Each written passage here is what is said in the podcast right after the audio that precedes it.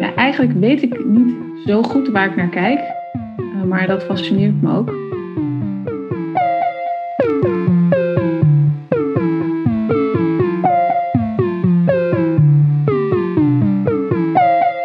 Hoi, ik ben Jobbe.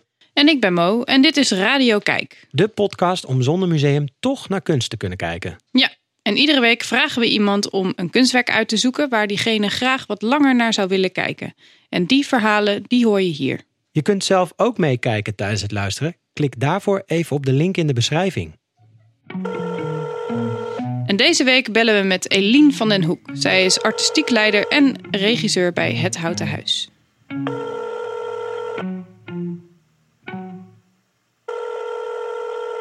Hallo Eline.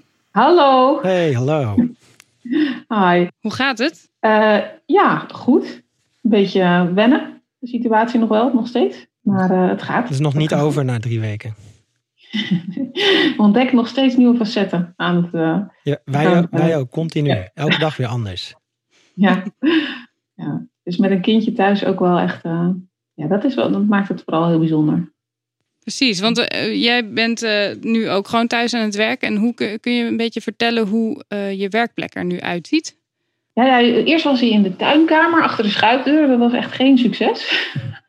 en nu is het toch gewoon op de werkkamer, waarbij ik of kan staan of kan zitten op een stoel zonder bureau. En, dat, dat, en dan heb ik op een krukje heb ik dan heel vaak mijn iPad staan, met, waar ik zo kan zoomen met mijn collega's. We zoomen wat af met z'n allen. Dus ja, het is ongekend veel bellen en praten. Minder kijken en uh, doen. Ja.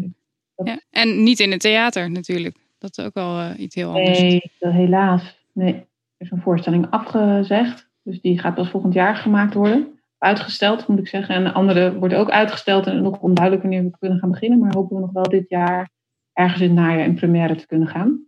Mm -hmm. Maar dat is spannend. Of dat, uh, wanneer dat, we gaan ervan uit dat het gaat lukken. Maar wanneer, is nog de vraag. Hey, en uh, je vertelt net dat je bent verplaatst van de tuinkamer naar de uh, werkruimte, werkkamer. Uh, heb je daar ook kunst aan de muur hangen? Ja, de werkkamer klinkt al heel groot, maar het is tegelijkertijd ook het wasruimte en het rommelhok. Oh, ja. we hebben nu wel door, door coronatime hebben we een boekenkast gemaakt. En daar heb ik dan wel een paar boeken zo openstaan. Dat ik die, waar ik van geniet gewoon. Mm -hmm. Maar die heb ik ook voor Ronja zo neergezet. Dus die boekenkast maakt wel in één keer veel gezelliger in het rommelhok. Dus je kijkt niet naar per se een schilderij, maar naar boeken.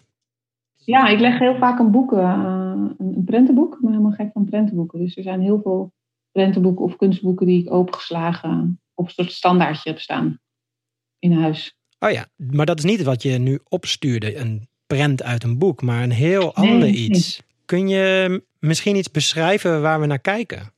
Ja, eigenlijk weet ik niet zo goed waar ik naar kijk. Uh, maar dat fascineert me ook daaraan. Dit heeft Ronald de Jong gemaakt. Dat is uh, een man uh, van mijn leeftijd. Die is afgelopen jaren overleden. Hij maakte, heeft Hotel Perdu ge, gebouwd. Ja. En hij had natuurlijk muziek van beneden ook anders gebouwd. Oh ja. Ja, twee voorstellingen van het Houten Huis. Ja. En hij heeft een aantal jaren geleden heeft hij een, een hersenbloeding gehad. Hm. Hij kon niet meer praten na die hersenbloeding. Hij kon wel ja en nee zeggen voor de rest niet praten. Heel soms kwam er nog een woord uit. Ja. Maar hij ontdekte wel dat hij nog kon tekenen. Ik, ja, ik zie zijn leven, zeg maar, in die tekeningen. En um, het, ik vind het zo'n mooie manier hoe hij nog kan vertellen wat hij voelt en hoe hij de wereld om zich heen ervaart. Ja, ja en je zegt, je ziet zijn leven hierin. Wat zie je dan? Maar wat ik in ieder geval in zie, is dat, dat, dat figuurtje met al die beentjes, zeg maar. Mm -hmm. Een soort kwal of een soort fantasiebeestje. Ik vind het een heel leuk beestje. Maar daar zie ik hem in. Ook zo'n heel mooi gedetailleerde ogen. En een mond. Ja. Ja, het is ook het grootste object op de plaat. Dus dan denk ik, dat ben je vast zelf. Oké, okay, dus om, omdat hij het grootste is, denk je dat gaat, dat is eigenlijk de hoofdpersoon. Dat, dat is de ja, maar dat, dat weet je natuurlijk niet. Misschien Nee. dacht hij aan zijn vrouw. Maar omdat hij ook geen benen, weet je, die benen, hij kon niet meer lopen ook. Dus, dus dan denk ik, ja, dat, je, voelt, je bent een ander wezen geworden ook. Ja, en dat kun je zien in die kwal, de tentakels.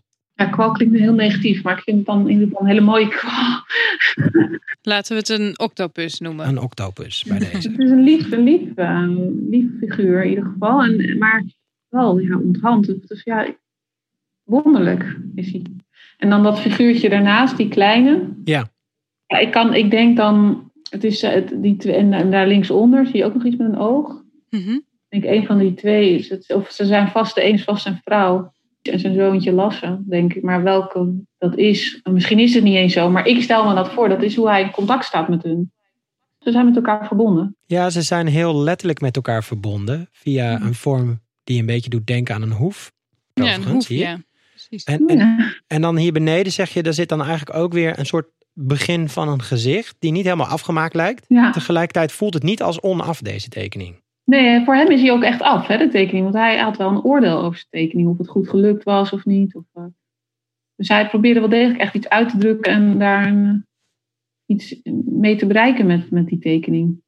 Ja, het is sowieso een uiting van een gevoel, denk ik dan. Van hoe hij het beleeft. Dus, dus, dus hoe, hoe hij verbonden is met, met hun. Ja. Mhm. En met welke omweg dat soms ook gaat. Weet je, we moeten heel veel tijd nemen om elkaar echt te begrijpen. En dat, dus daar, eh, nu denk ik, die kronkels is misschien wel de omwegen waarmee je elkaar probeert te bereiken. En dat is ook zeg maar, ze zijn met elkaar verbonden, maar het gaat niet zonder slag of zo. Weet je, ze moeten echt hun best doen. Het gaat oeh, helemaal, helemaal langs en dan nee, toch weer terug. Ja. Een soort, Zoiets zie ik een soort doolhof van communicatie bijna. Eh, misschien dus in je in- een worsteling om het eruit te krijgen, om elkaar te begrijpen. Ja, ja. Ja. Ja, en toch lijken ze allemaal beeld uit te kijken. En die middelste een soort van naar beneden. ja, ook naar die kronkels. Ja, ook Ja. wel een beetje, een soort van achterwaarts. Ja. hey, maar je hebt het eigenlijk over eh, zijn manier om eh, te communiceren, eh, iets herontdekken. Ehm, maar waarom wil je eigenlijk op dit moment naar dit werk kijken? Ja, het is ook als je nu zo met elkaar in een huis zit en alles gebeurt thuis. Aan de ene kant, je probeert zeg maar het leven zoals het was nog vast te houden. Ja, En door te werken en alles. Maar je wordt zo op elkaar aangewezen. Je moet het wiel ook weer met elkaar uitvinden. Dit zijn ook een man, een vrouw en een kind samen. Voor mij. Mhm. Zo zitten wij ook nu in een huis met z'n drieën. Wij zijn natuurlijk nu ook veel bezig met elkaar. En te zoeken naar vormen van hoe, eh, hoe maak je het zo mooi mogelijk nu met elkaar. En ook omdat het over leven en dood gaat deze periode. En Ronald is dood. ja, En nu zijn Mhm. Lies en Lasse samen. En die, die maken er nog wat moois van. ja. En hij heeft die tekeningen achtergelaten. Ja, Zo'n zo'n zo'n crisis maakt je ook heel erg bewust van... wat is nou echt belangrijk in het leven. Ja, dus het zou een soort metafoor voor jouw thuissituatie kunnen zijn. En het laat zien wat er echt toe doet. Ja, ik vind het niet een metafoor voor ons hoor. Dat, dat gaat te ver. Ik zie echt wel hun verhaal erin. Mhm. Maar wel voor, voor, ja, voor, alle, ja, voor gezin. Groter, voor, voor meerdere gezinnen. Ja, voor samen, Ja. samen zijn. Ja, voor, gewoon voor, voor, ja, ik bedoel, het kunnen ook jullie twee zijn. Het is, Ja. het is gewoon de liefdesrelatie die je hebt met elkaar. En dan met een kind is weer een andere dimensie erbij. Maar dat, daar gaat deze tekening voor mij over. Voor Ja. hun, hoe ze verbonden zijn met elkaar. En, en eh, ja, in zo'n crisisperiode dan, ja, dan, dan voel je heel erg wie je, wie je nu niet kan zien. Ja, Mhm. En ook Ja. met wie je wel kan zien en hoe, hoe bijzonder dat ook is. En moeilijk ook af en toe nu. je wordt er heel erg mee geconfronteerd in ieder geval. Ja, Ja. Maar, ook, maar ook het- feit van leven en dood. Ik bedoel, er gaan nu allemaal mensen dood Mhm. aan eh, corona en eh, mensen zijn er bang voor.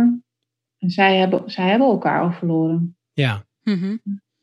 En tegelijkertijd hoor ik je ook zeggen, ook weer gevonden ergens. Want ik, eh, je begon het verhaal met zijn manier om ook weer contact te vinden. Dus ergens zit er ook wel een soort van hele mooie boodschap in als het heel zwaar is. Dat je, hè, als je het heel hard probeert, je een manier kan vinden om te communiceren.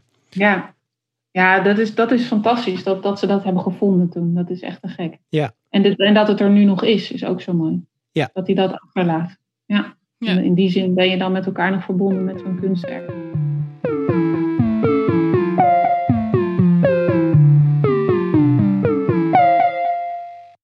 Volgende week kijken we met Mees naar een post-apocalyptische ruïne. Mhm. Spannend. En wil jij nou ook een keertje langer kijken naar een kunstwerk? Dat kan. Stuur dan een mail naar jobbe@onedayartist.nl.